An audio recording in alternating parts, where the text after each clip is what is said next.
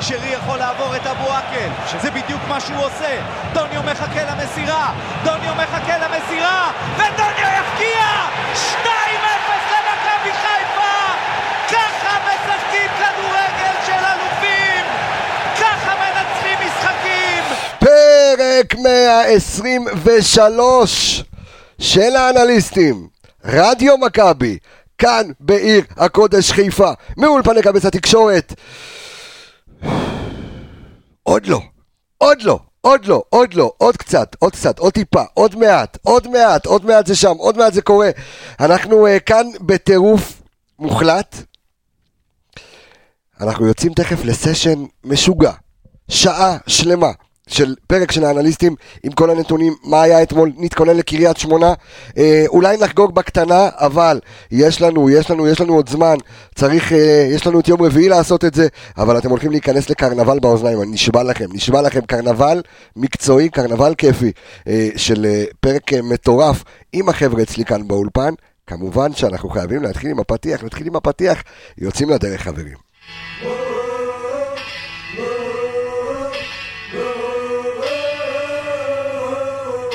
אצילי ברגל שמאל! זה! עומר אצילי! והכדורגל, והכדורגל! איזה כדורגל! יש לי ילד, ואבא שלי עובד בנמל. רודריגז מהאוויר,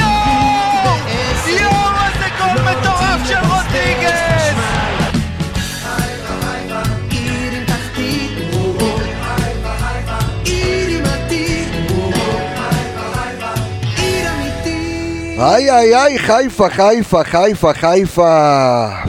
תשמע, אני בתחילת העונה הזו אה, אמרתי, הלוואי שהפודקאסט הזה, אה, שהתחיל, אה, התחיל אומנם עונה שעברה, אבל יביא באיזושהי עדנה מחודשת את האליפות הזו חזרה אה, לעיר. וזה טירוף מוחלט, טירוף מוחלט, כיף גדול. הכדורגל שהיה אתמול, האווירה, אתמול היה יום חג, יום חג אתמול מחוץ לאיצטדיון, אמ, אבל החבר'ה איתי כאן באולפן, אני, קודם כל אני רוצה להתחיל רגע לפני שאנחנו אה, ככה אה, אה, נרוץ וניכנס פנימה.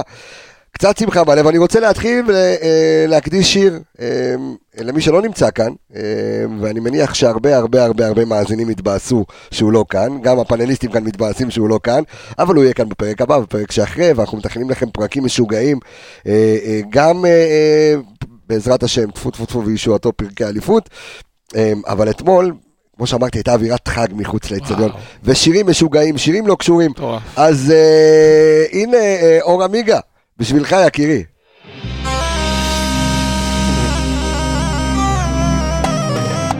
מי אמר לך מי? סיפר לך מי אמר לך מי? סיפר? יאללה, תקפצו לכם ברכב, מי זה אמר לך? אין לי מושג מי זה הזמר בכלל, אבל אתמול זה השיר שרץ אתמול מחוץ ל... אה, מי? אביעד סער. אה, תן לו- את הכבוד שלו. אה, כן, תן לו את הכבוד- שמגיע לו, אז אור עמיגה זה השיר הזה בשבילך, אתמול יודע, קפצנו לנו ככה בחוץ, זה היה עוד לפני המשחק. ופגע אבל, בתוצאה. אה, כן, ופגע בתוצאה, גם אני פגעתי בתוצאה, גם אני פגעתי שיהיה 2-0, גם אני ואור עמיגה, אבל...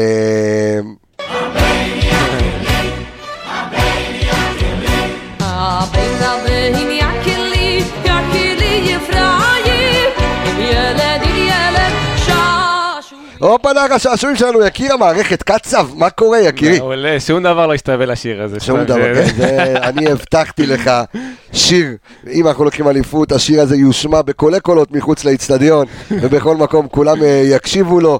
אה, מה קורה יקירי? הכל מצוין, בסדר? מצוין, כיף בוא, גדול. בוא נעבור לפרופסור לכדורגל, כן. זה שכבר לקח אליפות אחת, עכשיו מחכה לאליפות שנייה. אלכסנדר? עם מי דיברת? אני לא רוצה ילד מדבר אחר כך ברחוב שכאן בבית שוק שחור. לא, גברת, זה נדמה. אלכסנדר מילוש, מה קורה אלכס? מה העניינים? מעולם לא יותר. מעולם, מעולם לא יותר טוב. אני רוצה לצרף, אה, רגע, מה איתי? רגע, לפני שאני אצרף... צריך איזה. שיר. יש לי. יש לי, חייב. זה אתה צריך ללמד אותי סלסה לרקוד עם, השיר הזה. ושלום לאיש עם מיליון התארים. אה, אנחנו חייבים איש מקצוע רציני, לא כמונו, צריכים איש איי, מקצוע איי, איי. רציני. אה, אה, לשעבר אנליסט של קריסטל פאלאס. manager מקצועי, מנהל מקצועי בליגת העל בהודו, איך קוראים לקבוצה הזו? רק תגידי. נורת' איסט יונייטד. אה, אוקיי, אה, זה נשמע כאילו זה, לא, חזק. והמנהל המקצועי של קורס אנליסט אישי מכללת ספורט פאנל, אוהד אפרת, מה קורה יקירי?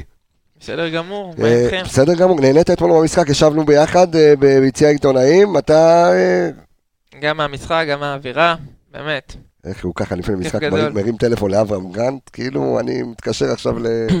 למנקה שלי. אה, אברהם מבסוט שלקה- זה שמכבי חיפה בדרך לאליפות? האמת, אה, בטח, כן? בטח. זה... דרך אגב, בתחילת העשור לא הנוכחי, לפני שני עשורים, אברהם גרנט הוא זה שהוציא את מכבי חיפה אה, משבע שנים שכונות לגמרי, אה, והביא לנו ש- שתי אליפויות בעונת אה, 2000, 2001 ו-2001 ו-2002, משם הדרך הייתה סלולה לקמפיין משוגע של ליגת האלופות אה, עם אה, יצחק שום. אה, אבל כן, כן, אה, כיף אה, גדול, כן, כן, אוהד, רק תרים טיפה טיפה שזה יהיה, או, איואה, כן, בדיוק, אם אתה זוכר, לפני איזה שבועיים הייתי פה, נכון. ואמרתי שברק בכר הכי מזכיר לי את אברהם דווקא, במאמנים הישראלים כאילו. נכון, מזכיר לך אותו, מזכיר לך אותו מאיזה, מהניהול של המועדון, של צוות, של. שחקנים, מה- איך שהוא מסוגל להרים את המועדון, שחקנים האמת שמאז במצבים רעים. אברהם גרנט, מאז אברהם גרנט באמת לא היה מישהו במכבי חיפה שדאג לא רק לפן המקצועי, אלא גם לפן המנטלי. אברהם הוא היה המלך בתחום הזה של... סידור לספר, ראש. אני חייב לספר- לך איזשהו סיפור, אני זוכר שלפני איזה שלוש-ארבע שנים, אם אתה זוכר, אה, היה לנו איזשהו פרויקט ענק, וג'ובאני רוסו עבד איתנו, עבד פה, אה, וג'ובאני ככה אמר לי אז בזמנו, אמר לי, תגיד לי, אתה חושב שאברהם, מאמן גדול, רגע, אתה ממשיך, תעשה את זה מהמבטא שלו. לא יודע לעשות מבטא קרואטי. אה, אתה חושב, הוא אומר לי, אתה חושב שאברהם מאמן גדול? אמרתי לו, כן, אני חושב שהוא מאמן גדול. אז הוא אומר לי, מעבר לזה שהוא מאמן גדול, הוא אומר לי, הוא לא היה צריך לעשות יותר מדי, הוא לא היה עובד איתנו, עכשיו תחשוב על טקטיקות ומערכים וכאלה. היינו. נכנסים בבוקר, הוא אומר, היינו נכנסים אליו בבוקר, לא משנה אם אתה פותח בהרכב או לא, הוא אומר לי, ושחקנים כמו רפי כהן ואייל אלמושלינו וכל מיני שחקנים כאלה, אתה יודע, ש... ש, שלא ראו גם הרבה, אה, אתה יודע, לא תמיד ראו הרבה דשא. הוא אמר, הוא היה יושב ב, אה, במשרד שלו, איפה שהמאמן, איפה שברק בכר יושב היום. הוא אומר, היו נכ- נכנסים אליו לחדר, יושב, מדבר איתנו, היינו יוצאים כמו מילואה של תותח.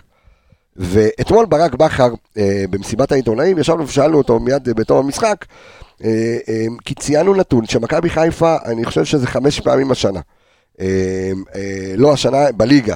חזרה, מכבי חיפה חזרה אחרי הפסד, לניצחון. חזרה נכון, אמרתי את זה בפרק לניצחון. הקודם, אתה זוכר, אמרתי אם אני חושש לקראת המשחק, אמרתי לא, כי כל פעם קמנו אחרי הפסדים ואחרי נכון, כישלונות, וזה קרה עוד פעם. אז אה, וזה בכלל היה נראה ש... כאילו, מי זכר את ההפסד הזה? בדיוק. זה לא היה נראה שהפסדתם בכלל. יפה, עכשיו אני, אני חושב כן. ש, שהיה פה עניין, אה, מעבר לעניין המנטלי, גם, גם האוהדים עברו תהליך, איזשהו תהליך מנטלי, כי באמת, אחרי ההפסד למכבי תל אביב בגביע, אז הרוחות היו שבורות, ושמעת אנשים, ולוזרים, וכל, אתה יודע, אנשים שבאיך אני אומר, באינטנה דריתך, באותו רגע שאתה כבר מקבל את, ה, את ההפסד, אז, אז אתה יודע, אתה, אף אחד לא שולט על הפה ולא על העצבים, וזה ברור ומובן, אבל אתמול לרגע קט איך שהאיצטדיון היה מפוצץ, גם האווירה בחוץ, ואנשים ידעו שצריך רק דבר אחד, אחד ויחיד, וזה ניצחון, כדי להשאיר באמת עוד איזשהו פיפס בשביל אה, לזכות אה, באליפות הזו.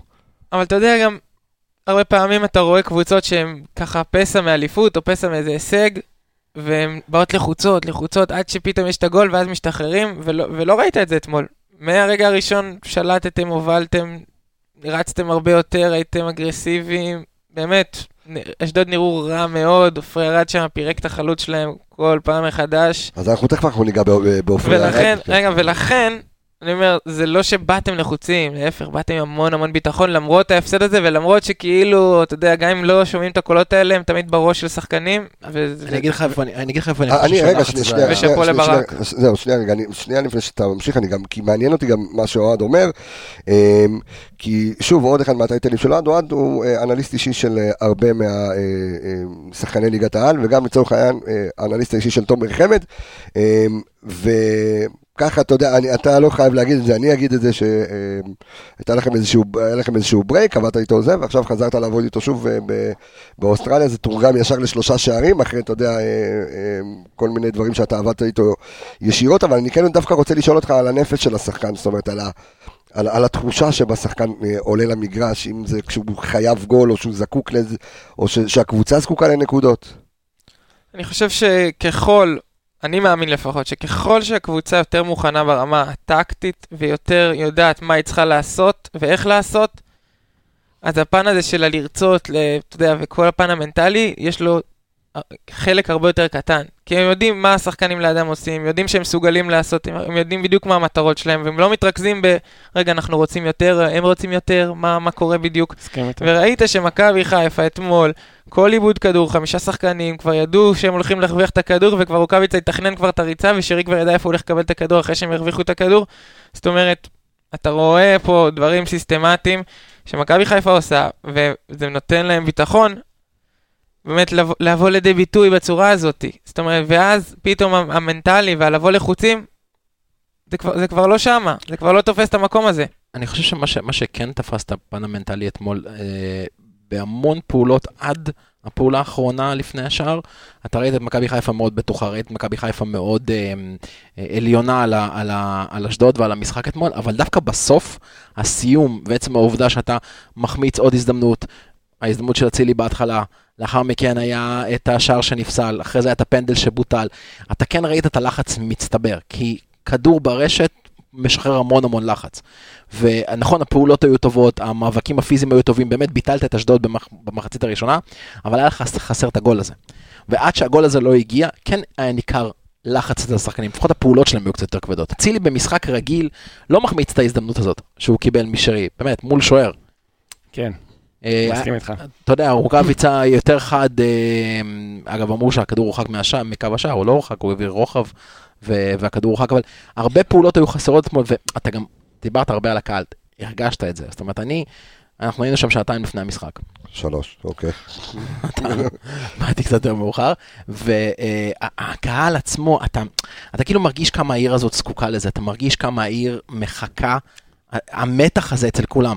וגם אני הייתי מתוח דחיפה מאוד. מטורפת. אני לא זוכר באופן אישי דבר כזה, אולי מאז 4-3 שנה שעברה עם מרקו, שבסופו של דבר הפסדנו את המשחק הזה, אבל לא היה דחיפה כזאת. אני זוכר רגעים שהכדור ברגליים של אשדוד היה בוז, שאנשים שמו את הידיים על האוזניים.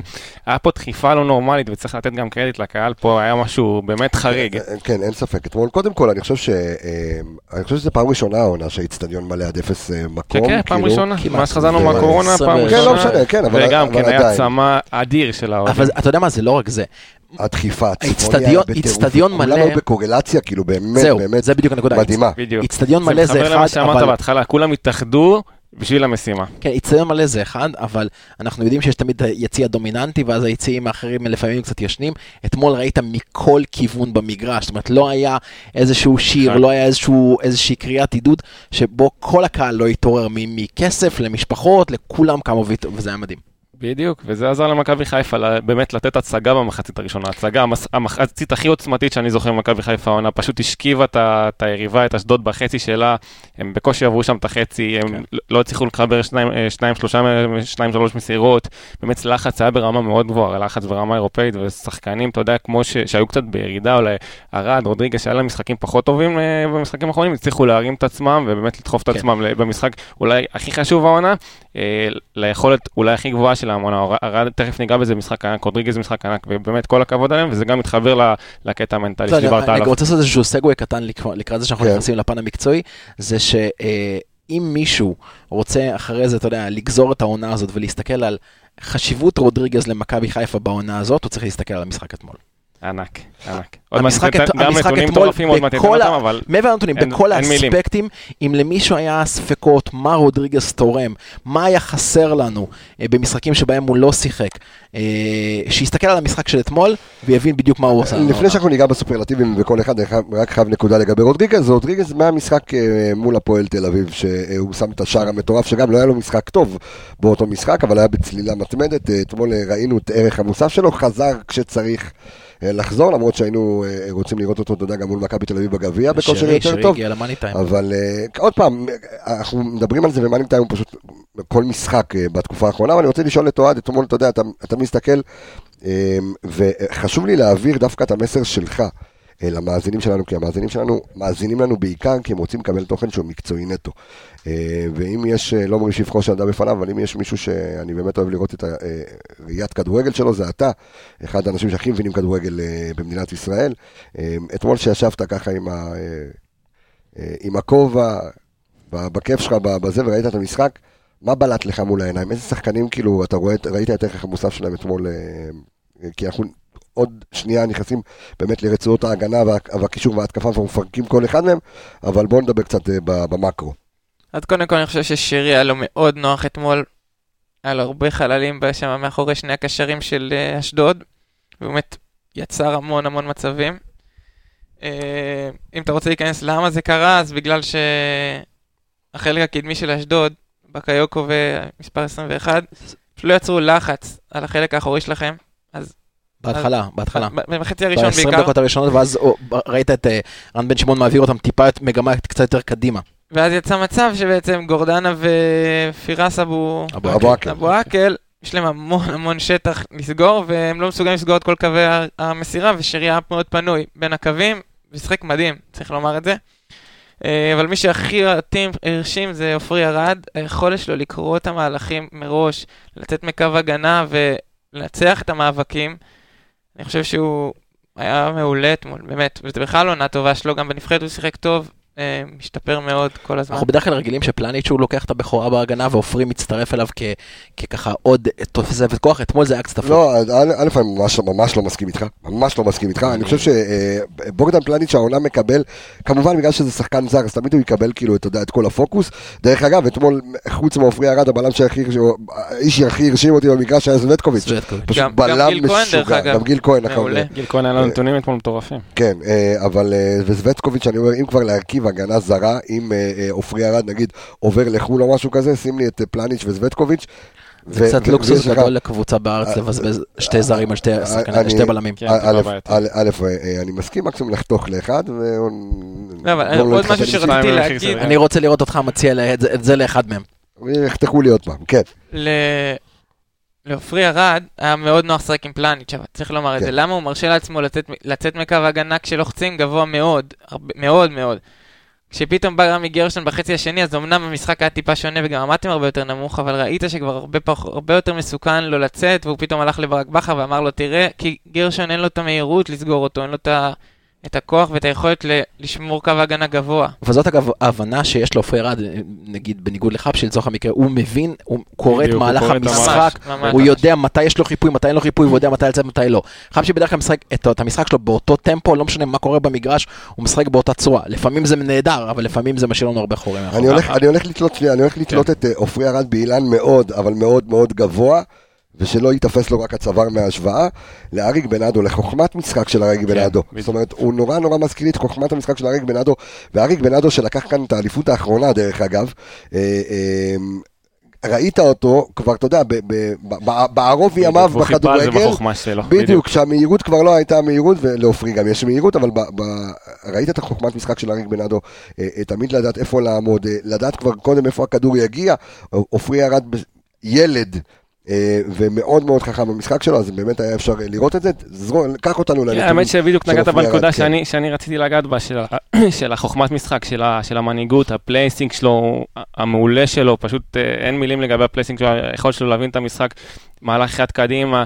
אמנם יש איזה טיפ טיפה, אולי אני חולק עליך בקטע הזה, יש טיפה בעיה במהירות של עופרי, אפשר לראות את זה גם פעם אחת מול אה, חמודי כנען שהוא ברח כן, לו, ובעט נכון. זו הייתה הבעיטה היחידה של אשדוד למסגרת, אבל חוץ מזה באמת הוא מחפה על זה, באמת, אה, האמת פלניץ' משלים אותו בקטע הזה של אתה יודע המהירות. מה, אני עוצר אותך שנייה, כן. אני רוצה לשאול את אוהד. כן. אוהד, מהירות, זה משהו שאפשר לעבוד עליו? על רמה מסוימת.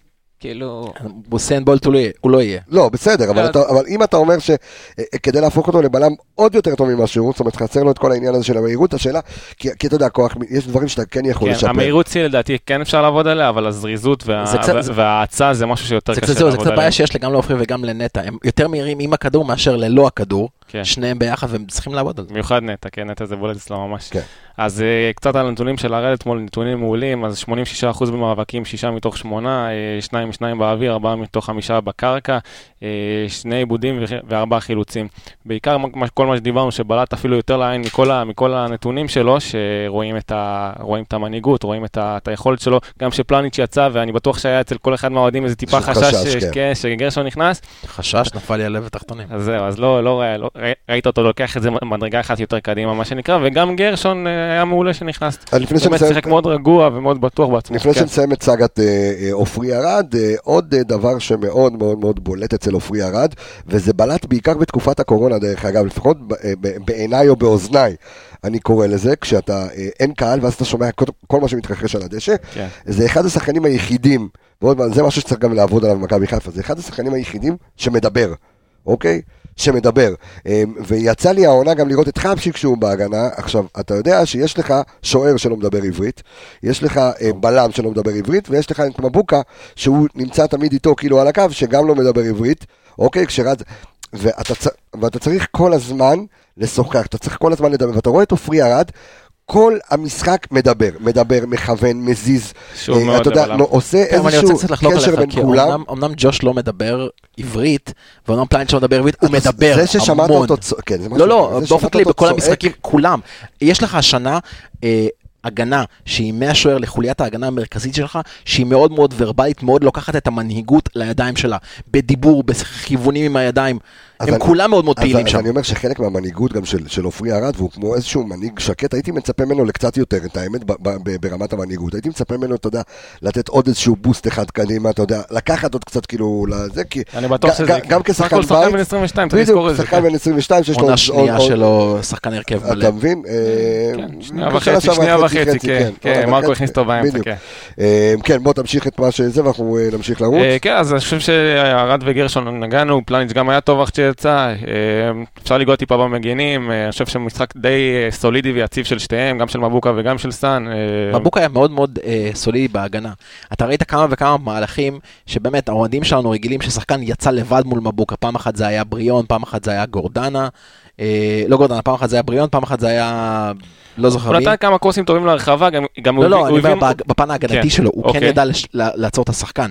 נכון, נכון, היה אחד על אחד ממש בולט, אני זוכר במחצית הראשונה ש, שהוא עצר שם, ובעיקר בהתקפה, בהתחלה ראית שהיה איזה אולי כל, כל פעם, כמה פעמים שהוא נתן אה, קרוס לרחבה, אולי באילוץ, אולי, אה, אתה יודע, הוא לא מספיק חיכה שיצטרפו שחקנים, אחר כך הוא הבין, וגם אה, הגול השני נוצר מזה, שהוא לא הרים מהר לרחבה, הוא מסר פנימה, כן, והיה שם- שיתוף פעולה מצוין של אצילי ורוקאביצה, וזה אה, נולד הגול. אם אנחנו מדברים על מגינים, אז קודם כל גם אה, לפרגן, אה, אה, תכף גם נשאל את אוהד על- על על השחקן הזה, כי...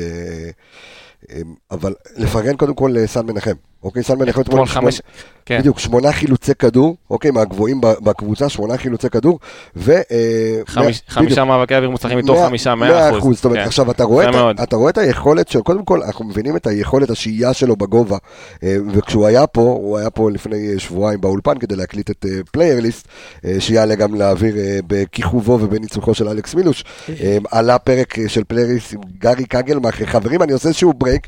שים! הופה.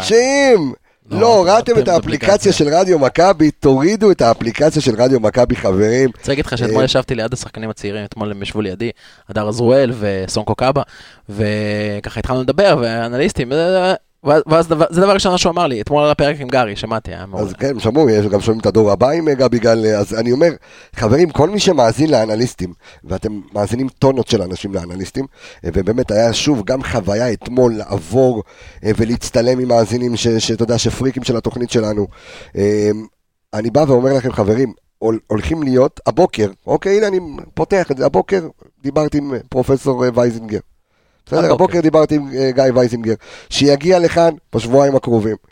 יהיו פה פרקים, וגם ברק יגיע, ויהיו פה אה, באמת פרקים משוגעים שיעלו אך ורק באפליקציה של רדיו מכבי. אוקיי? האנליסטים הרגיל, הפרקים האלה יעלו בספוטיפיי, באפל פודקאסט, בגוגל פודקאסט, פרקי ה special יעלו אך ורק אה, חברים ב... אה, באפליקציית רדיו מכבי, אז תורידו, תורידו, תוריד. ובבקשה, אם אתם אוהבים אותנו, ואני יודע שאתם אוהבים אותנו, כל חבר שלכם, יהיה הבן שלכם, דוד שלכם, כל מי שאוהד מכבי, תנו לו שיוריד את האפליקציה, ותדרגו. ותדרגו אותנו, אה, תגיבו, ומחכים לכם שם תכנים משוגעים. ולא ו- תכנים של האנסים, תכנים של הסקאוטים, רגע, תכנים שנייה, של... אז רגע, שנייה, רק נגיד שגם היום עלה לאוויר עוד פרק אה, של סיפורו של זר אה, בהגשתי ובהגשת גוסטבו בוקולי, עלה פרק על ג'ון קולמה, אז אה, איזה חיוך יש לך פה, זה אוהד, אה?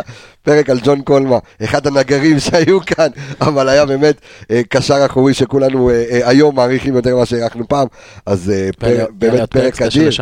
אז תורידו את האפליקציית רדיו, אה, רדיו מכבי. אז כן, אז אני, אני רוצה רגע לשאול אותך, אה, אוהד, על, אה, על אה, סן מנחם, שעובר גם הוא שיפור אדיר העונה הזו. תקדם בטירוף העונה. כן. אה, אני חושב שהוא מגן מעולה. קודם כל, יש לו ביטחון עצמי. זאת אומרת, לא הרבה שחקנים היו מסוגלים לעבור לדעתי את מה שהוא עבר. עם התקשורת, עם האוהדים, כל התקופה הזאת שהוא היה כאילו, כל הזמן היה ברירת מחדל כזה, אין את נכון. מי, אין את מי תנו לו, תנו לו, פתאום הביאו את טוואטחה, גילו שהוא באמת אחלה שחקן. אז קודם כל, מגיע לו לדעתי כל הכבוד שהוא הצליח לעמוד בכל הלחץ הזה. הוא היום מגן נבחרת, אה, אבל מה חסר לסן מנחם כדי באמת לעשות עוד קצת את השדרוג הזה, כדי באמת להיות חושב- המגן השמאלי הטוב בישראל? כי אנחנו לא משופעים במגנים שמאליים טובים בליגה הזו. אני חושב קצת אה, הגנה ברמת המיקומים, ברמת ה... לדעת לחפות מצב שצריך, איפה לעמוד, ברמת העקביות קצת, כי פתאום יש משחקים שהוא כן יורד פתאום, כן. ואז אתה אומר לעצמך, כן, זה, זה סן מנחם, הוא לא מספיק טוב, או כן, הוא לא, אבל הוא לא מגן נבחרת לצורך העניין. אה, אבל חוץ. קצת פיזי גם, אבל אה, סך הכל הוא אתלט, אז, אז אני באמת חושב שהוא, שהוא אני- היום ברור שהוא אני חושב מגן גם. קבלת החלטות בחלק הקדמי, מתי לתת את הקרוס הנכון, מתי לתת את הפס אה, אולי לזון אז- פורטינו. אבל זה גם פונקציה של הקבוצה, כי מכבי חיפה, אם תשים לב בשנים האחרונות, מכבי חיפה המון המון המון תוקפת דרך צד ימין. מכבי חיפה, בעיקר בעונות שמבוקה באמת היה שחקן ממוסמר להרכב, לא השנה עם רז מאיר כאילו פנימה החוצה. מכבי חיפה מאוד מאוד תוקפת עם צד ימין, הוא היה, לו את היתרון המהירו, ה- של המהירות, של הפיזיות, ופחות תוקפת מצד שמאל, וסאן היה מוצא את עצמו קצת יותר אחורי. אם מכבי חיפה תשכיל לנסות לתקוף בצורה קצת יותר ורסטילית משני אגפים, זה גם ישפר את קבלת ההחלטות שלו בחלק הקדמי. אני גם חושב שלהגיד יעילות, אז אני יכול להגיד את זה על כל מגן בעולם כמעט. ברור שזה קשה לדעת מתי בדיוק להרים, והרמה זה גם פעולה די מורכבת, כן. ומתי למסור, אז, ואז אני כאילו לא לא רוצה להגיד לא מקבל את היעילות, אבל זה, זה, זה משהו שקורה להרבה מגנים. לעומת זאת חזיזה בשיטת משחק, בטח לפני שאצילי הגיע והיה מאוד משמעותי, אז נראה לי, זה היה נראה שמכבי חיפה מנסים לבודד אותו אחד על אחד באזורים האלה, שכביכול סאן אמור להרים משם ולייצר משם, אז איפשהו הוא היה צריך לתמוך בו. אז, אז זה גם כביכול פגע בו באופן אישי, אבל עזר לקבוצה. דרך אגב, מה שאתה אומר מתכתב ממש עם מה שקרה במשחק הקודם, כשברק בכר החליט לעלות בלי חזיזה, ואז ראית את סן מנחם, מדמיין שחזיזה שם, פשוט מחפש אותו כל ה... אה, כל ה- היה שם בודד לחלוטין. היה שם כן. לבד, הרגיש ממש לבד. כאילו, אה, אה, וכן, יכול להיות שיש כאן הרבה אדפטציות של סן מנחם, אה, ואני חייב לומר שהוא הוא ישב פה לעשות את Player List, אז ישבנו על האינסטאט וראינו, והוא אמר שאחד הדברים שהוא כן רוצה לשפר באמת זה קבלת ההחלטות, או איפה לעשות את הקרוס, באיזה אזור לעשות את הקרוס, מתי, אני חושב... כי הוא אוהב לעשות את הקרוסים הרבה יותר, אתה יודע, זאת אומרת, ב- ב- ב- בחלק הרבה יותר, אתה גם יכול לראות יותר קרוב, אחרי החצי קצת, אתה יודע, אתה גם יכול להיות שחקנים שב-DNA שלהם שחקני קו, אצילי הוא שחקן קו, ואתה רואה שהתנועות שלו הם בהתחשבות במשחק, אבל גם בהתחשבות בזה שהמגן צריך לחתוך והוא צריך לפנות לו את הקו. ככה הוא משחק. חזיזה לא שחקן קו, חזיזה לא גדל כשחקן קו, זה רק בשנה וחצי האחרונות שהוא... נכון, בני יהודה משחק- שיחק אמצעים. אה, בדיוק, אמצע. כל הקריירה שלו הוא שיחק באמצע. אז עדיין התנועות, הפינוי אגף הזה, הוא לא 100%. זאת אומרת, הוא כן מקבל את משהו הכדור באחד אחד. לתרגול, אתה אומר. בדיוק. אוקיי. ודרך. אגב, אני חושב שמה שלא נגענו בו אצל סאן זה היכולת שלו להיכנס לרחבה כשכדור יוצא מהבוקה, והוא מסוכן בטירוף. זה אגב מה שמכבי חיפה עושה הרבה השנה, היא מעמיסה צד אחד באופן קיצוני ומשאירה את המגן פחות או יותר בצד השני לבד, העברת כדור מהירה לשם משאירה המון פעמים את המגן פנוי. וכמובן משחק ראש מדהים, מדהים. בדיוק, אז זה מה ש... ניתור לדעתי הכי טוב בארץ. גם למד לנחות. גדל- גדל כן. בפוצ'יבולי, סאן אבל- מנחם. כן, הוא סיפר לנו שהוא היה, הוא היה skater, היה טוב, תחכו לפרק של Player List, אתם תקשיבו לכל הדברים ההזויים שסן מנחם היה. אה, אה, לפ- לפני שעוברים לקישור, אני רוצה כן. לתת ככה כמה נתונים ש- שידגישו כמה המחצית הראשונה הייתה עוצמתית. רגע, שנייה, אתה תדגיש, רק רוצה להגיד על כן. משפט של אה, סן מנחם, כי אתה ככל הנראה גם הולך לעבוד איתו עונה הבאה, אז אה, קיבלת סקופ. בוא נגיד שאתה יודע, אה, אה, יקיר המערכת קצב היום הוא גם אנליסט האישי של אה, עידו וייר, מגן מכבי נתניה, יש לו עוד כמה שחקנים בקנה לקראת עונה הבאה. בקיצור, יש לך הרבה דברים, יש לך עבודה עונה הבאה. חמוד שלי, תתחיל להתכונן. אה, אבל אמר כאן סן מנחם, שזה לא השהייה, הוא אומר, אין דבר כזה שהייה באוויר, זה התזמון, התזמון של העלייה לאוויר.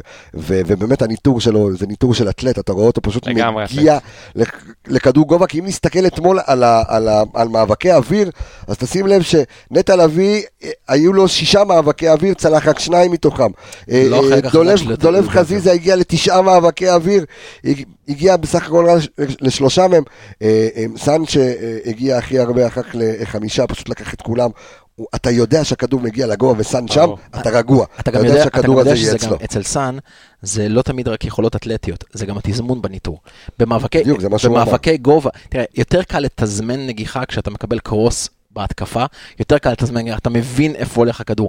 במאבק גובה, בגלל שיש לך עוד שחקן לידך, קשה יותר לתזמן, אתה, אתה צריך לתזמן את זה בנכון, אנחנו רואים נגד דוניו נגד מכבי תל אביב, זה בכל לא רק שאתה קופץ מתזמן. טוב, אתה צריך לדעת מתי לתזמן את זה ולעשות את זה נכון. כן, זה לא ולא להשתמש מדי בידיים, אתה לא, לא מתעלק על השחקן, כי אז זה בדרך כלל יוצר עבירה, יש הרבה דברים שקשורים למאבק הזה, וסאן עושה את כולם טוב. טוב, ת- ימשיך כבודו. אז 12 איומים במחצית הראשונה לעומת אחד של אשדוד, ומה שמאוד מאוד תפס את העין, שבדקות בין 15 ל-30, 80 אחוז החזקת כדור של מכבי חיפה. אתה מראה- זה מראה לך כמה המחצית הזאת הייתה עוצמתית, כמה השכיבה את אשדוד לשער שלה, אה, וכמה הם שלטו בקצב המשחק, וזה באמת, אולי, אמרתי את זה גם בהתחלה, המחצית הכי עוצמתית של מכבי חיפה, אפשר לראות את זה גם בנתונים האלה. הלחץ, אתה יודע מה, הלחץ אחרי עיבוד כדור שהיה שם, אתה ראית איך שלושה, שלושה ארבעה שחקנים כל פעם מתנפלים, אני לא זוכר לחץ כזה של מכבי חיפה, אני לא זוכר שראיתי דבר כזה, איך השחקנים האחרים דואגים לשמור על שטח קטן, וגם כן, אם לא מצליחים, כולם חוזרים לעמדות מוצא איך אמר בצורה ברק טובה. אתמול, הטקטיקה הייתה מיוחדת עוד לפני, בהכנת המשחק, כן, רצית לומר משהו? אני רוצה רק לומר שאם אני אסתכל רגע מהעיניים של אשדוד, אז אני כן. חושב שגם הם תרמו לדומיננטיות של מכבי חיפה משני היבטים. גם, א- אין בעיה, אני גם מסכים עם זה אפילו של לעמוד לחכות להם בחצי, אה, כאילו להיות צפופים. העניין הוא שגם בכדורי חמש הם מסרו כאילו לבלם מתוך תיבת החמש של השוער, הזמינו את הלחץ שמכבי חיפה מאוד מפורסמת בלחץ שלה, ושיחקו עם שחקנים כמו, אה, איך קוראים להם צד ימין? ספורי ו...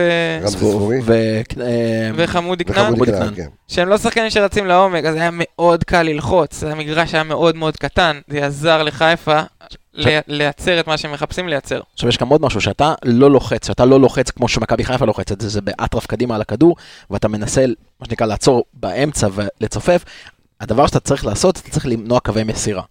הרבה קבוצות היום, מה שהן עושות זה פשוט מונות מהבלמים, את קווי המסירה, הם, כל הזמן השחקן מת, מסתכל על הכדור, על המיקום היחסי שלו בין הכדור לבין שחקן הקישור שצריך להניע את זה, נטע או רודריגז. הם גם את זה הם לא עשו, הם לא חתכו קווי מסירה, הם פשוט עמדו באמצע, ניסו לצופף את הבלוק.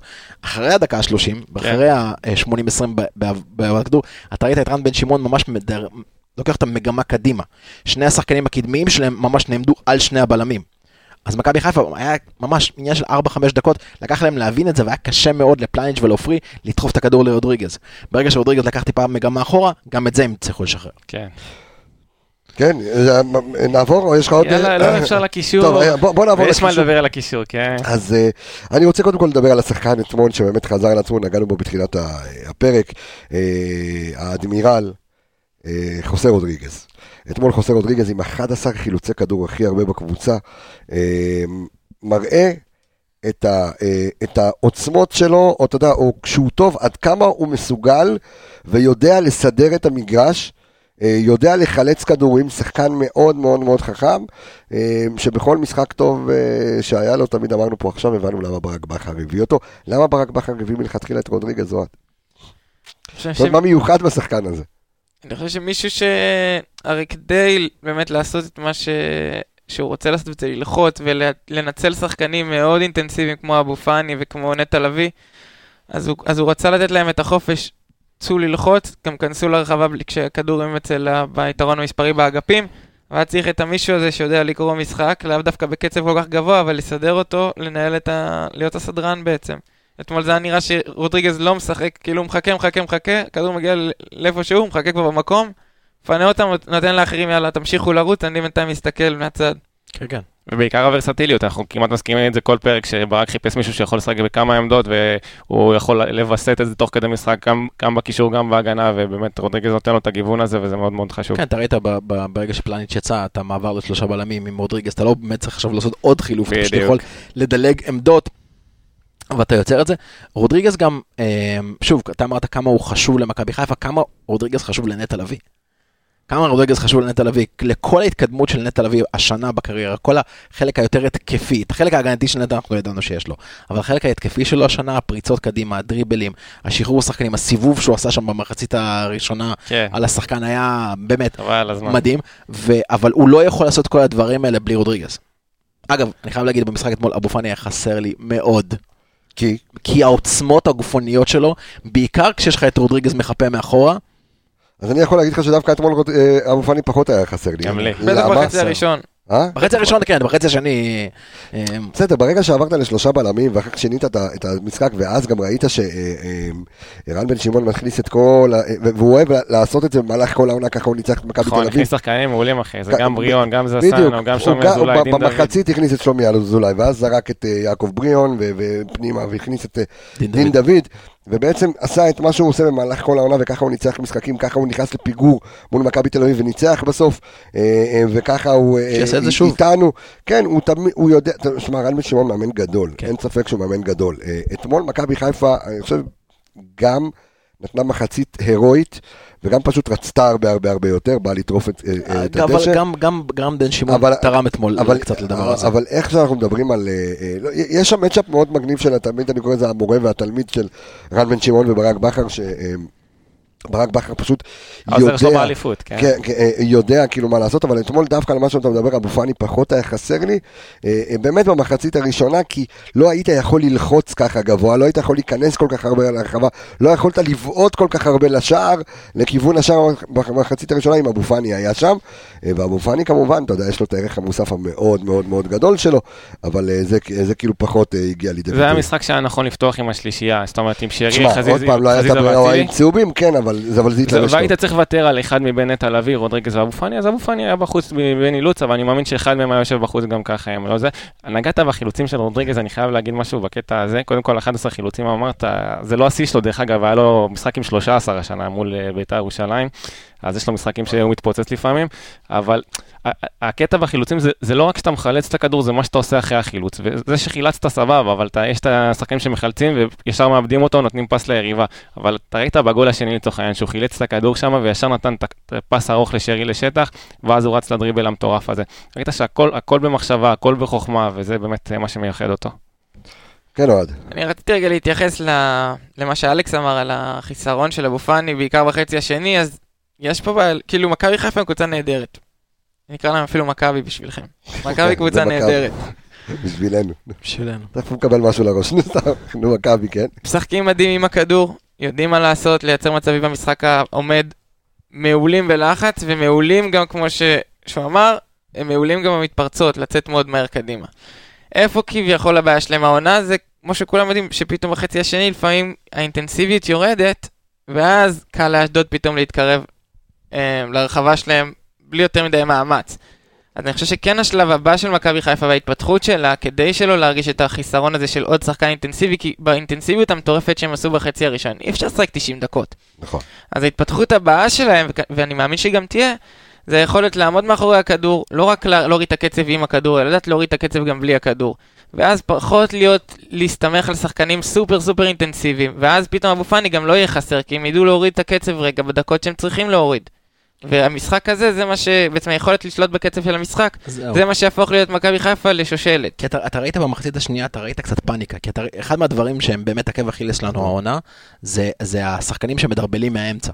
שחקנים שמתחילים דריבל מהאמצע, ואם הם מצליחים לעבור את השחקן הראשון שלנו, אם אה, הלחץ שלו או התיקול שלו מתפספס, הם בדרך כלל יש להם את ה-20-30 מטר לרוץ קדימה, ואתה רואה פתאום את כל הקבוצה בפאניקה עליו, עוד שחקן מצטרף ועוד שחקן מצטרף ועוד שחקן מצטרף, וזה משאיר הרבה שחקנים פנויים. הם כבר ב double triple team על השחקן הזה, ובסופו של דבר זה משאיר המון המון שחקנים פנויים. ואיפה זה גם בא לידי ביטוי, לא רק במשחק האחרון, גם נגד נתניה, זה נגד, היה... אה, מכבי תל נגד אביב.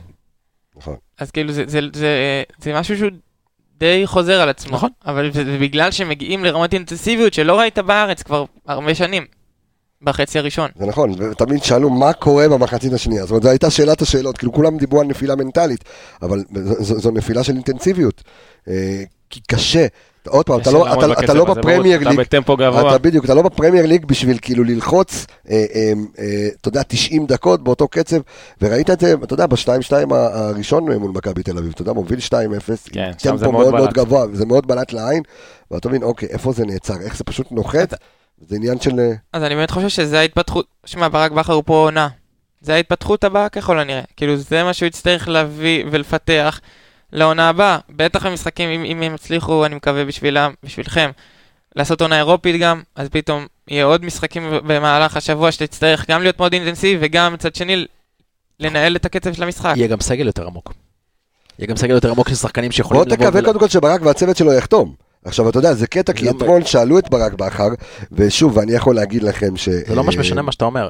ברק לא לא, צריך יהיה... להכין קבוצה. בסדר, ברק לא צריך יהיה. צוות אחר, אתה עדיין הולך לכיוון של מסע אירופי כלשהו. אני הולך לאמן מכבי חיפה אם הוא לא יהיה. סבבה. ואז יהיה אליפות בלי מאמן. אתה תראה, הלוואי, לא אכפת בדיוק.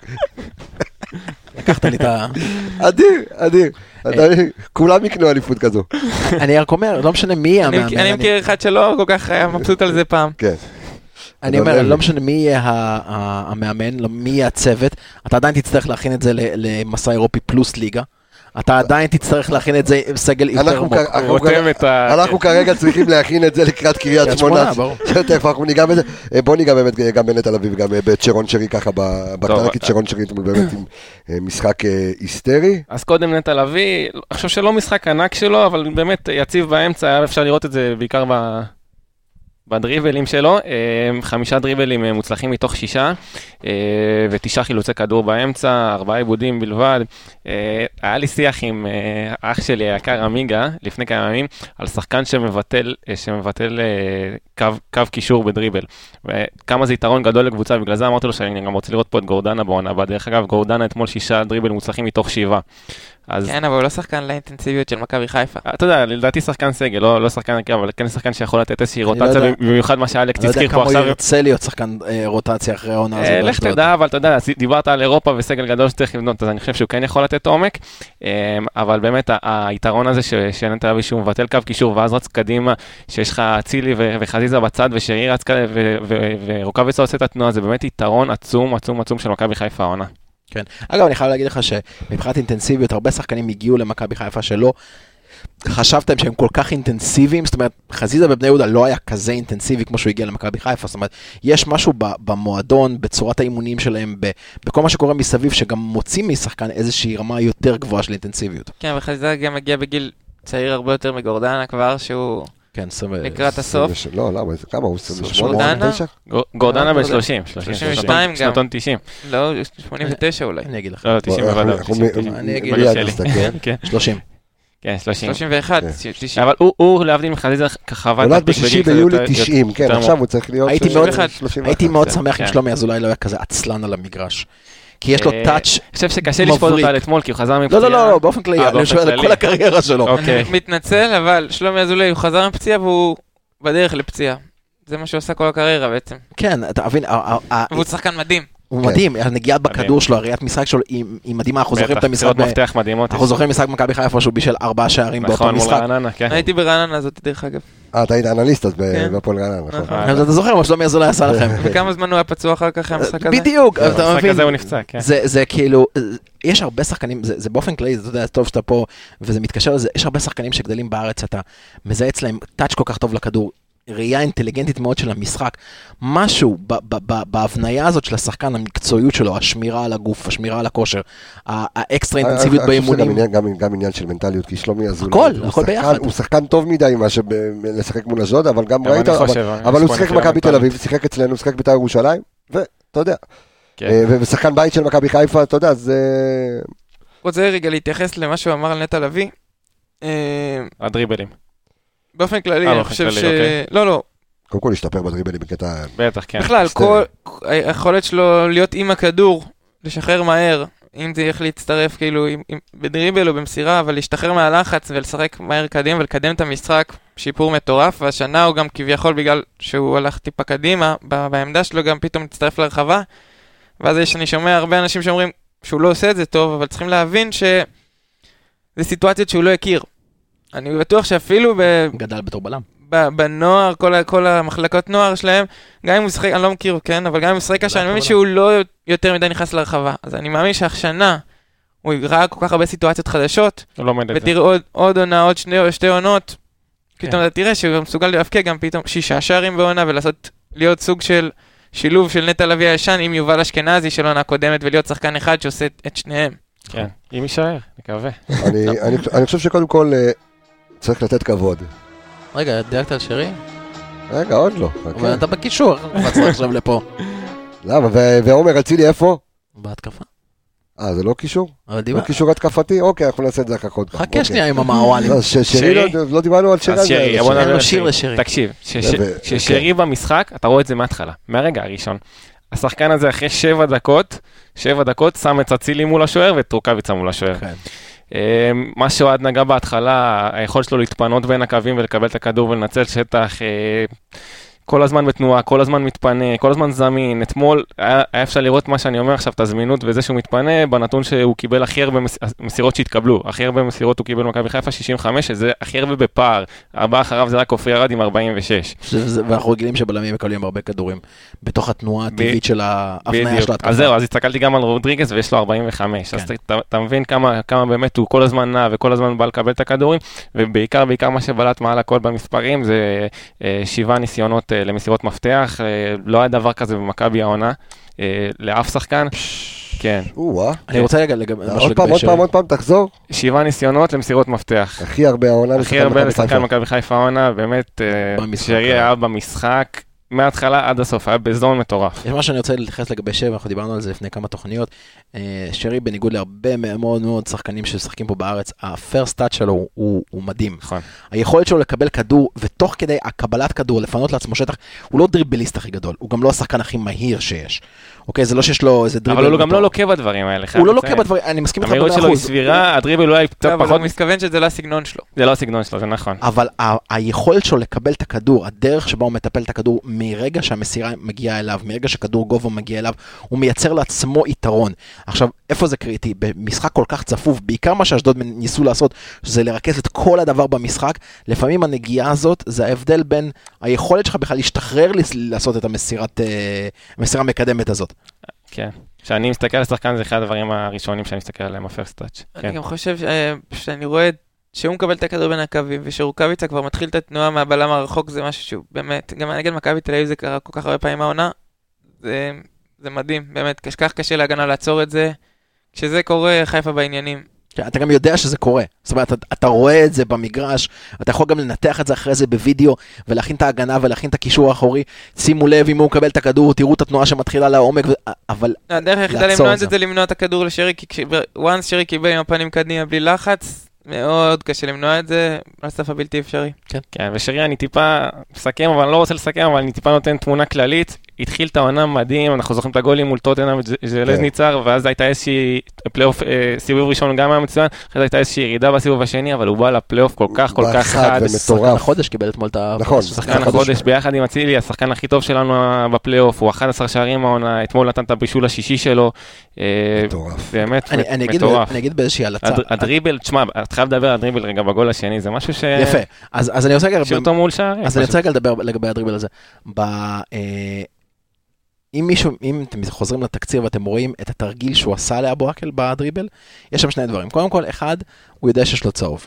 והוא יודע שהדרך היחידה שהוא עוצר אותו זה בעבירה, בטח במצב הזה שהוא רץ לכיוון השער, וזה יכול להיות צהוב שני, אבל הוא יכל לעשות כל מיני תרגילים, הוא יכל לנסות לעבור אותו על מהירות, הוא יכל לנסות לעבור אותו דרך הרגליים. הוא ניסה, הוא עשה את התרגיל היחיד, שהדרך היחידה שאתה יכול לעצור אותו זה רק בעבירה. אין דרך לעצור את התרגיל הזה שאתה נותן חצי צ'יפ קטן כזה מעל הרגל של השחקן ורץ קדימה. אתה לא יכול לעצור את זה ללא עבירה. והוא ידע שאבו לא יכול לעצור את זה בעבירה, הוא פשוט ויתר לו על הכדור הזה. אבל זה לדעת בטיימינג הזה, כשאנחנו 20 דקות לא טובות במגרש, כשאשדוד יושבת לך, שאתה מקבל את הכדור הזה מול השחקן, זה לחשב כל כך מהר מי מולי, יש לו צהוב, זה התרגיל שאני הולך להשתמש בו, זה התרגיל שאני הולך לעבור איתו, אני הולך להתקדם עד סוף הרחבה ולתת לדוניו כדור מול פס מול השער. אז רגע לפני שאנחנו עוברים לרצועת ההתקפה, אה, ואנחנו אה, אוטוטו קרובים לפני סיום, ואנחנו צריכים לתת עוד איזושהי נגיעה אה, אני חייב לומר שדולב חזיזה, אני, א', אני משוגע על הטמפו שלו, אני חולה על הלב שלו, אני, אני באמת אוהב אותו ברמה האישית אה, וב- וברמה המכבית, המכבית ובאיזה רמה שאתה לא רוצה. ואתמול לבוא ולראות אותו, שהוא, אתה יודע, הוא תמיד מפליא עם, אה, עם עיבודי כדור. אה, אז אתמול הוא לא היה הכי הרבה שאיבד. שרי אתמול איבד הכי הרבה כדורים, עם 13 עיבודי כדור, אבל דולב חזיזה היה עם 11 אה, עיבודי כדור, אבל שימו לב, דולב חזיזה אתמול עם שמונה חילוצי כדור. כן. שתבינו כמה מחויבות יש לשחקן הזה, כמה רעב יש לשחקן הזה, כמה אחריות נכון, יש אתמול עבד. לשחקן על זה, בטח. כמה הוא עבד. תמיד הוא עובד, אבל אתמול זה שמונה- לא- בדיוק, אתמול עם שמונה חילוצי כדור, היו לו ארבעה אה, דריבלים מוצלחים מתוך שישה. באמת שחקן שבא לעבוד. שחקן שבא אה, לעבוד והכל, אני רוצה אבל טיפה- טיפה לצנן משהו. אה, זה. אני חושב שברק בכר באמת ניהל אתמול משחק בצורה כמעט מושלמת. אי ההוצאה של חזיזה, ברגע שעברת לשלושה בלמים, הייתה לדעתי שגויה. הוא לא, לא היה לו מקום על המגרש. ברגע שעברת לשלושה בלמים, והמגינים שלך תוקפים, ואתה רוצה להשתלט על המשחק חזרה, לחזיזה לא היה מקום על המגרש. היה הרבה יותר עדיף להכניס שחקן לאמצע. מאיר, לא, רגע, כן, אבל- אבל רז אבל מאיר, רז מאיר. נכנס בדקה מאוד מאוד. מאוחרת. לא, רגע, אבל חזיזה יצא. רז מאיר נכנס בדקה מאוד מאוד מאוחרת. חזיזה יצא, לא, אתה מדבר במעבר לשלושה בלמים? במעבר לא, לשלושה בלמים. חזיזה יצא, חזיזה יצא אבל. בדקה 88. לא, חזיזה לא יצא במעבר מי של החליף את. חזיזה? חושב שרז מאיר. לא משנה, זה אה, הייתה בדקה 88, יכול להיות, כשכבר היית ב-2-0. כשעברת לשלושה כן, בלמים בדקה מאיר. 47, פליינש נפצע דקה 47, עברת לשלושה בלמים. מהרגע הזה לחזיזה לא היה שום מקום על המגרש, לא היה מה הוא יכול לעשות. בקישור אתה לא שיחקת ככה, כי רצית לעבור מהר להתקפה. הכנפיים סגורות כי המגינים שם בגלל שלושה בלמים, לא היה לו מקום. הנכון היה להוציא זה להוציא את ברק בכר, אני חושב שהיינו, להוציא את ברק בכר? זה להוציא את חזיזה, שברק בכר היה מוציא את חזיזה. אה, מה שחזיזה היה מוציא את ברק בכר. בדיוק. אחד אחד לשני. אה, אני חושב שיכולנו לצמצם את ה-20 דקות שליטה של אשדוד אה, לפחות זמן, אם החילוף הזה היה קורה יותר מוקדם. זו הביקורת היחידה שלי. גם נגח. אתמול למשקוף, הייתי חייב לבדוק אתמול משהו, כי עוד פעם הוא נגח למשקוף, וזה כבר כמה פעמים שפה המשקוף, הלכתי לבדוק. את זה, מכבי... תן- נתון של של- של- של משקופים. כן, אז. מכבי חיפה השנה בעטה או נגחה אימה אה, 14 פעמים העונה אה, למשקוף. אוקיי. משקוף הקורות, חמש מהם של חזיזה. וואלה, כן. תרשום, תרשום שנוציא את זה, זה כזה, תשמע, אני, אני, אה, רגע, רגע, איפה זה? איפה המנהיג? אה, איפה? איפה- איפה זה, איפה זה? תשמע, כל המשחקים האחרונים. מגיע לו חברים, מגיע לנוער השעשועים שלנו. עשה שיעורי בית. תקשיב, תקשיב, תקשיב טוב. יקיר המערכת קצב, הוא רכש טוב. זה האצילי שלנו, זה האצילי שלנו העונה. אם אה, עמיגה זה החזיזה, אז אה, זה. בסדר, אתה תשמע, אתה שומע? עכשיו אני שומע. יופי, אוקיי. זה זה. אה, ואם כבר כן, אצילי, אוקיי. אם כבר אצילי. אבל אתה- רגע, לא- חזיזה, אני לא רוצה גם להגיד עליו חזיזה, חזיזה. משהו לא מקצועי, אני רוצה להגיד עליו, אוקיי. חייב להירגע. חייב. כאילו, כל הזמן לרוץ לשופטים, כל הזמן להתעצבן, כל הזמן לריב עם שחקנים, זה פשוט מוציא אותו מהמשחק, הוא שחקן כל כך טוב. למה? אני לא בטוח ש- אני לא בטוח שמוציא אותו מהמשחק. גם טל בן חיים השנים אמר שהוא לא מוציא אותו מהמשחק ויצא איזה שחקן הוא נהיה היום. כן, זה, תשמע, זה, זה- זה, זה המון, זה המון אין- עניין של אופי. אין שחקן כאילו. ש- שמע- שכאילו כל כך עצבני, עזוב עכשיו אה, נלחם ואתה יודע, ו- ורץ וזה הכל. גם שאלתי פה אם יודעים כמה ספרינטים היה לו, כי באמת, בלחץ הוא היה מספר אחד על המגרש. כן. תמיד טוב בזה, כן. אבל- אני אני לא בטוח שחזיזה זה מה שדווקא מוציא אותו מהמגרש. אני אני חושב שדווקא הדברים בין- האלה מכניסים בין- אותו יש הבדל לדרייב. בין טירוף ל... ללאבד את העשתונות. אתה מבין מה אני אומר? יש הבדל. לקבל דקה שנייה צהוב, כי אתה רץ לשופט כמו איזה חוליגן, זה לא, זה לא משהו שהוא טוב לא לך ולא לקבוצה. ולגבי, ועוד הערה קטנה לגבי שרי, שאמרת שהיה לו הכי הרבה עיבודים, זה, זה לא מחזיק כלום, בגלל ש...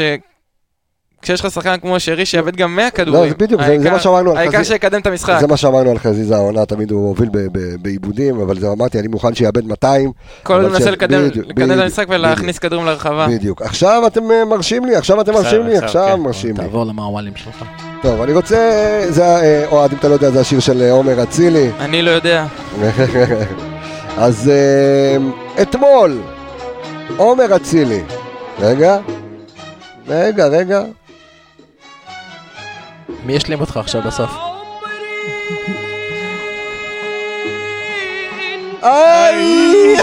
אינטה עומרי, כן, אז עומר אצילי אתמול הופך רשמית למלך הבישולים של אה, ליגת העל עם עשרה בישולים, הבן אדם כאן הגיע בינואר פחות מחצי עונה. וחולף על פני אה, אה, כולם.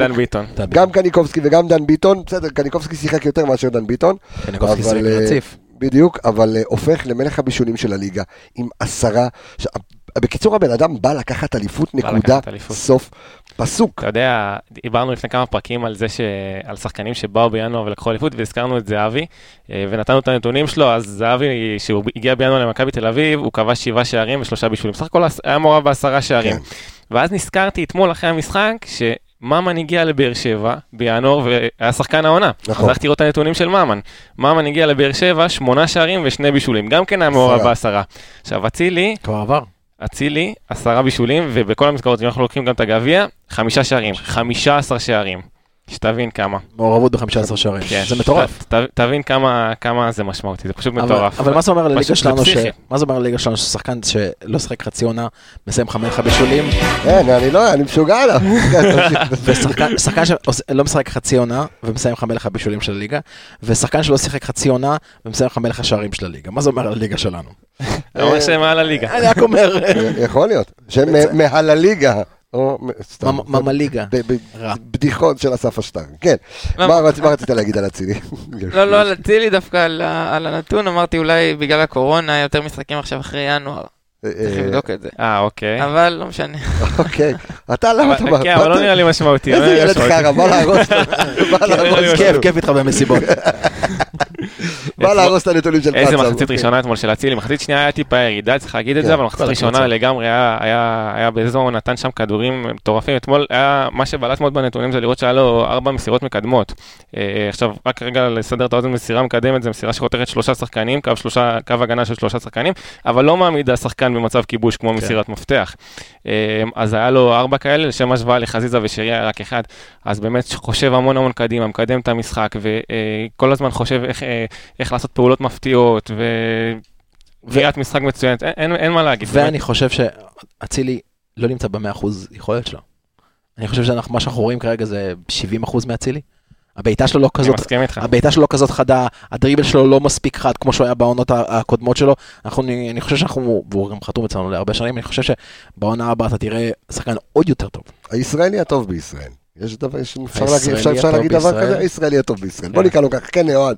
נייחים שלו, היסטריים. כן. כן, מבחינתי שלא ישחק בוא'נה, איזה רק כדור הוא לבד. נתן אתמול לחזיזה. כאילו, שרק מצד ירים. כל היום. אימא'לה. חולני. כן, כן, כן. אה, אה, מדהים. גם כבש גול בסנטימטר נבדל, כמעט, גם, גם היה צריך לבעוט את הפנדל, תשמע, כן, אז אה, כן, כן. כיף גדול, כיף גדול. טוב, אנחנו רוצים לסיים ולעבור ממש בדקונת לרצועת ההתקפה. ניתן קודם כל את הכבוד לניקיטה רוקאביצה, שהגיע אתמול, ראית שהוא עלה, ראית שהוא הולך כאן. ידעת שיקרה משהו עם ניקיטה רוקאביצה, שהוא לא שיחק כבר 200 שנה ועדיין הוא מלך השערים בפער. הניקיטה של אתמול- 18 שערים, חי שערים אתמול. הניקיטה של. אתמול, מושיב את דוניו על הספסל. הניקיטה של אתמול, מושיב את דוניו של על הספסל. של ה-20 דקות הראשונות. הגרסת אה, אלי אקספרס של ניקיטה שראינו לפני זה, אה, צריך לשבת על הספסל ודוניו יכול... עכשיו, אגב, תש- תשים לב משהו מאוד מאוד מעניין בין דוניו לניקיטה. ניקיטה לא טוב, לא, לא פותח, לא נכנס טוב למשחק כשהוא קם מהספסל.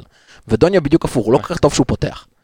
אה, צריך לבדוק את זה. היה לו משחקים טוב שהוא פתח, אבל אני מסכים איתך שהוא עולה יותר טוב מניקיטה, זה בלי זה ספק. נכון, כן, נכון. כן. ואתמול ניקיטה, אה, זה סוג הגולים שאתה לא רואה מדוניו. אתה יודע, שלושה שחקנים לוחצים אותך, פס אחד, חץ ל-115 מטר לפינה, זה גולים שאנחנו לא רואים אה, מדוניו, ובאמת, כן, דוניו השערים שלו קצת אחרים. אחרים, והטכניקה של ניקיטה מול השער היא באמת באמת ברמה גבוהה, זה משהו שלא מאבדים אותו גם עם פציעה וגם עם קורונה. כן, אה, רצית להגיד משהו על ניקיטה או עד אפרת? רק רציתי להגיד שהגולים של אה, דוניו, רוקאביצה לא עושה. נכון, זה- זה- זה בדיוק מה שאמרנו, כן. אה, ניק- ניקיטה ב-18 המחזורים הראשונים 16 שערים.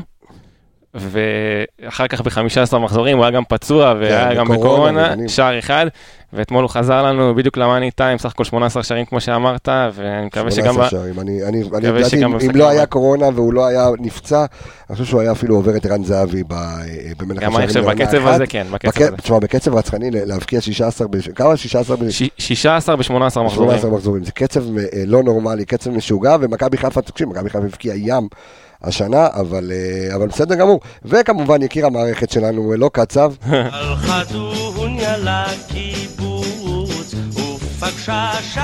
זה, ככה קוראים לסבתא של דוניו. דוניה, דוניה. עד שלאשכנזי הזה לקח זמן להעביר. היידה, היידה, הסבתא של דוניו. אה, כן, אתמול גם, אז אה, אה, שני החלוצים שלנו שמים שערים. אתמול באמת גם פעם דוניו ראשונה, דרך נכנס. אגב, שגם ניקיטה וגם דוניו כובשים באותו משחק, זה פעם ראשונה. אני פונה לפאנל. המכובד פה. הופה! אני פונה לפאנל המכובד פה. די כבר.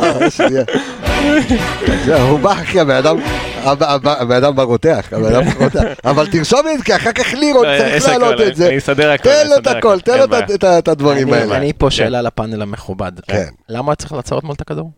לא, הוא עשה לי התקפת לב. למה הוא צריך לעצור את הכדור? אני לא אני אני יודע. אהבתי את זה. כן? לא, עכשיו כי זה בא לו ברור, זה שכונ- זה שכונתי כזה, אתה יודע, שאתה עוצר את הכדור שנייה לפני הקו, אתה נותן לו לשחקן שחותך, אבל לדעתי הוא פחד להחמיץ, זה בא לו לימין, הוא שמאלי. אני כאילו. יודע, אבל הוא עצר את הכדור, זה מה אתה עוצר את הכדור? לא, אבל הנה, אני אשים עוד פעם, הוא אמר פה משהו הגיוני. לא, אני יודע, אני יודע שזה לא הרגל שלו, אבל עדיין, שחקן ברמתו, צריך לדעת לסיים גם לא ברגל השנייה שלו? מטר מהשער.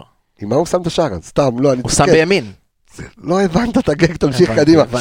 בסדר. אה, טוב, בואי, נשאר לנו... זה לא. הרגל השנייה, זה הרגל השלישית. תקשיב, אנחנו כבר שעה ולא דיברנו על קריית שמונה, אז יש לנו ממש כמה דקות אה, בודדות. יכול להיות, יכול להיות, לא בטוח, אבל יכול להיות שבגלל הטירוף אולי נעשה היום עוד פרק.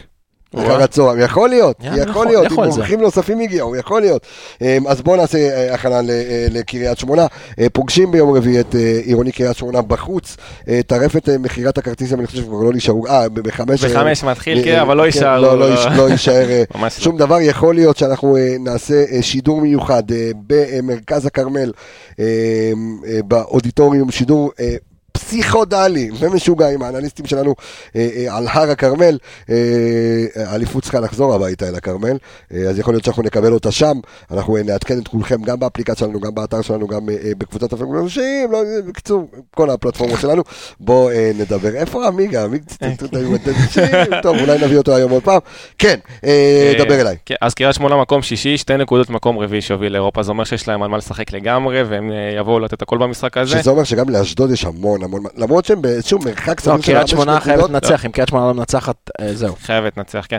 האמת שאשדוד די בטוחים במקום השלישי. אה, סלחו נקודות. לי זה משנה שהם חייבים לנצח, תגיד לי? לא, זה לא משנה כלום. אין מתנות בפלייאוף, אין. מתנות בפלייאוף הזה, כל הקבוצות באות לתת לי- לאור- הנסיבות שהם במחזור האחרון משחקים. בבלומפילד נגד מכבי תל אביב, הם מהמקום השישי כרגע, עם פער של שתי נקודות, אם הם לא מנצחים, הם מספרית גם יצאו מהמאבק הזה. אז מאז הניצחון הגדול שלהם על מכבי תל אביב, ה-2-0, אז הם לא ניצחו, שלושה משחקים אחרונים, שני הפסדים ותיקו.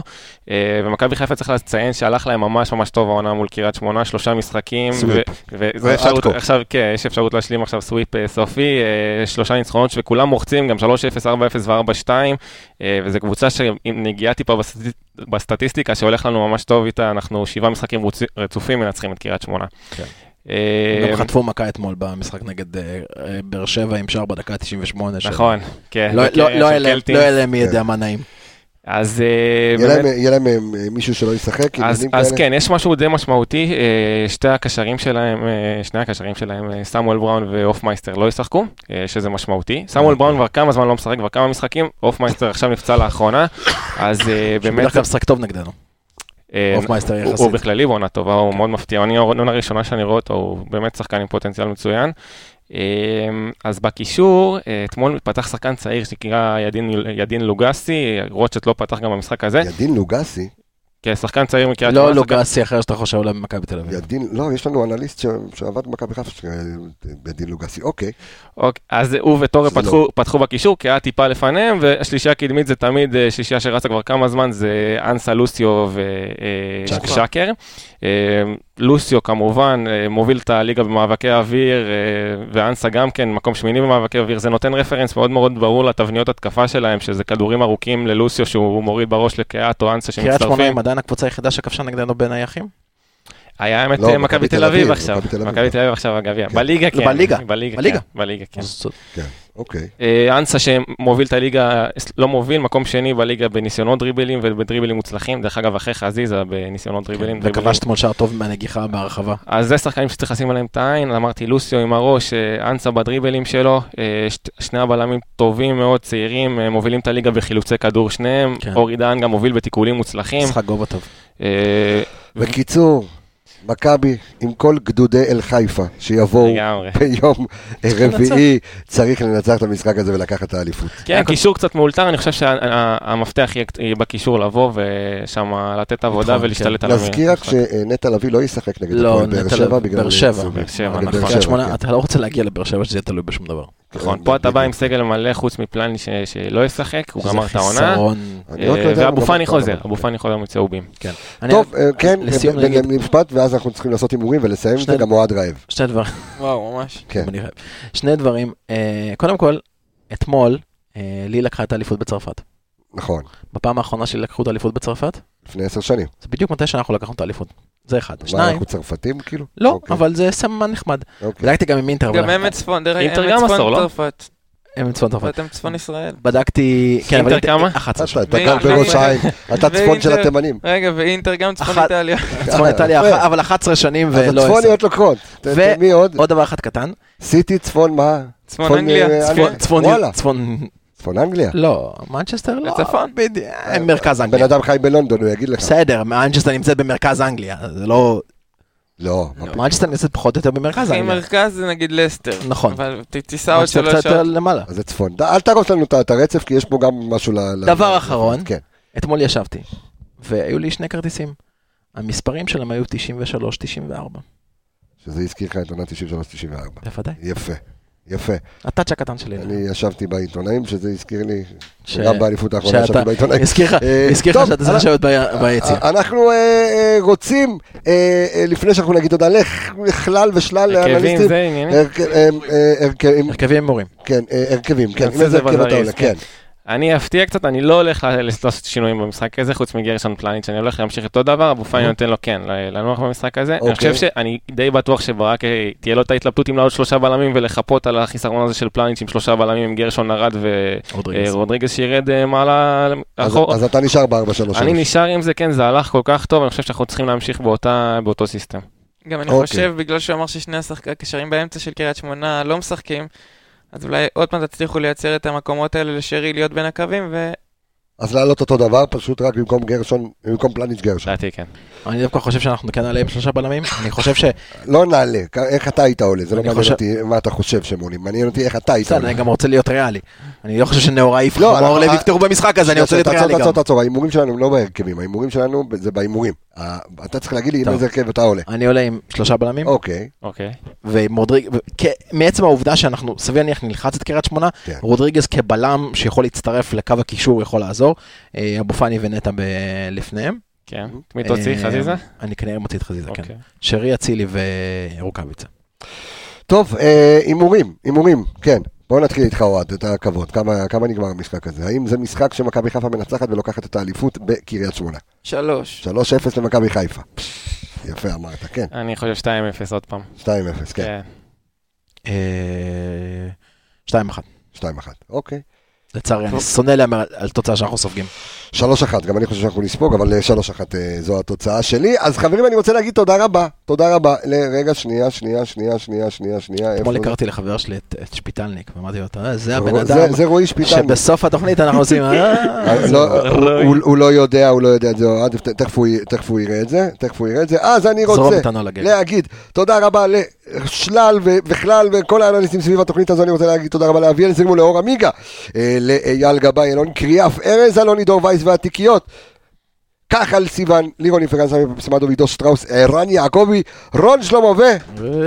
רועי שפיטלניק, אני רוצה להגיד לך תודה רבה יקיר המערכת קצב, אלכס מניש, אוהד אפרת האגדי, היקר, שנמצא פה בעיר הקודש כבר כמה אה, וכמה ימים, ואתה מרוצה, אתה עובר לפה, אתה נוטש את ראש העין ואת לונדון, קריית אתא, זה המקום שלי. הופה, קריית אתא, אחי, עיר הפשע והרשע, איפה שאנחנו גרים, תבוא תהיה איתנו, אני, יניב קטן, ג'ובאני, ניקיטה ואייל טרטצקי. מקום, מקום מדהים. אה, אני רפאל קבס החברים, אנחנו אה, אה, נשתמע בפרק הבא. ביי ביי, להתראות. כן, בוא, בוא, בוא נלך לאכול איפשהו.